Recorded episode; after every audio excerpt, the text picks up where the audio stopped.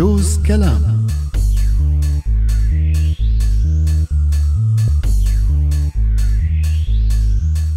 شوف شوف هالصور أبو فاكر شو هذا؟ هاي العجقة يلي صايرة على الحدود السورية الأردنية من بعد ما فتحوها يعني هدول سوريين ولا أردنيين؟ هيك وهيك مشكل أنا والله ما عم بفهم يعني الناس هيك خلص نسيوا كل شيء وجايين يسوحوا ويتفرجوا وينبسطوا لك شو عم يعملوا هدول؟ أبو فاكر نحن صار لازم نتقبل ونفهم الخسارة. لا يا أم جوزيف نحن ما خسرنا نحن بس لك يا أبو فاكر شلون ما خسرنا؟ ليكن النظام رجع سيطر والناس يلي ماتوا تحت التعذيب بالمعتقلات تسلمت شهاداتهم وفاتن واللاجئين يلي ما عليهم شيء عم بيضبوا أغراضهم ليرجعوا ويلي عليهم شيء صار اسمه المعارضه خارجية وعقود الاستثمار بالبلد عم تتقدم وغير كل هاد عم تنفتح الحدود للسياحة والبضائع إيه شو بدك أكثر من هيك لتستوعب إنه نحن خسرنا؟ نحن يلي كان بدنا حقوقنا وكرامتنا ببلد بدون فساد. جوزيف شبكي.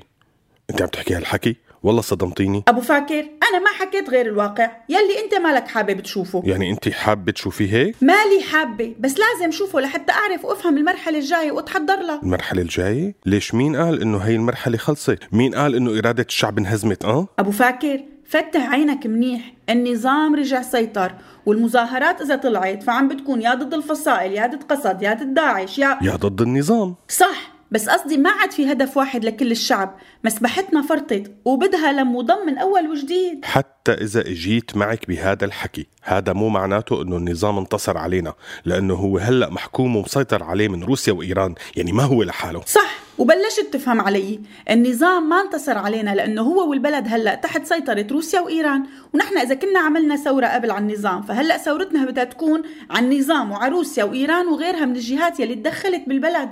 وعلى داعش واشكالها من الفصائل المتطرفة يلي حسبت حالها على الثورة وعلى حالنا كمان لحتى نعرف نضل إيد وحدة وما نتشتت ونتقسم تحت شعارات ما بتخدم غير مصالح جهات معينة. إيه أنا معك معك.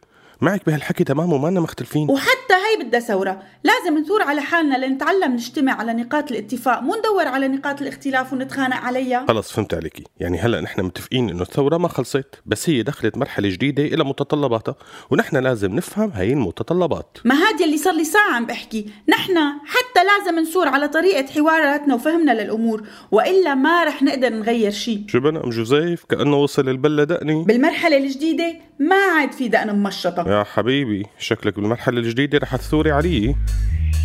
جوز كلام.